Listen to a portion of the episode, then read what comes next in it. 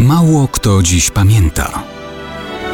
Datownik historyczny prezentuje Maciej Korkuć.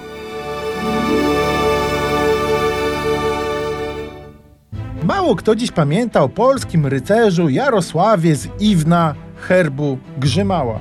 Kiedy dokładnie się urodził, nie wiadomo. Już na przełomie wieku XIV i XV był dojrzałym mężczyzną, jednym z tych europejskich rycerzy, dla których ojczyzną było Królestwo Polskie, władcą Władysław Jagiełło, a polem aktywności różne strony kontynentu.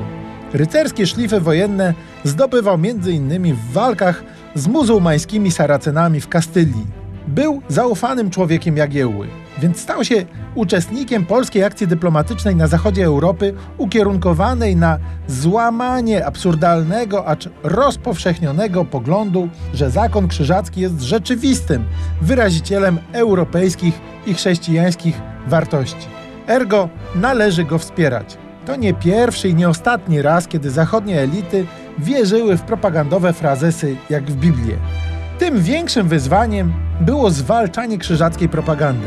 Jarosław Ziwna stanął na czele polskiego poselstwa do króla Anglii Henryka IV Lancastera.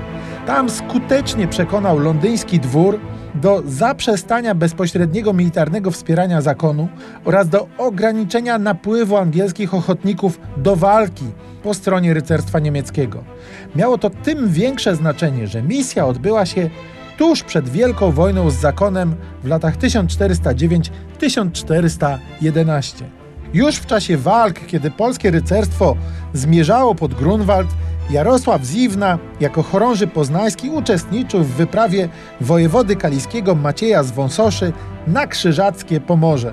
Wprawdzie pod Złotowem dostał się do krzyżackiej niewoli, ale szybko został wymieniony przez króla na wójta Nowej Marchi. Wszak tacy ludzie byli dla polskiego królestwa bezcenni.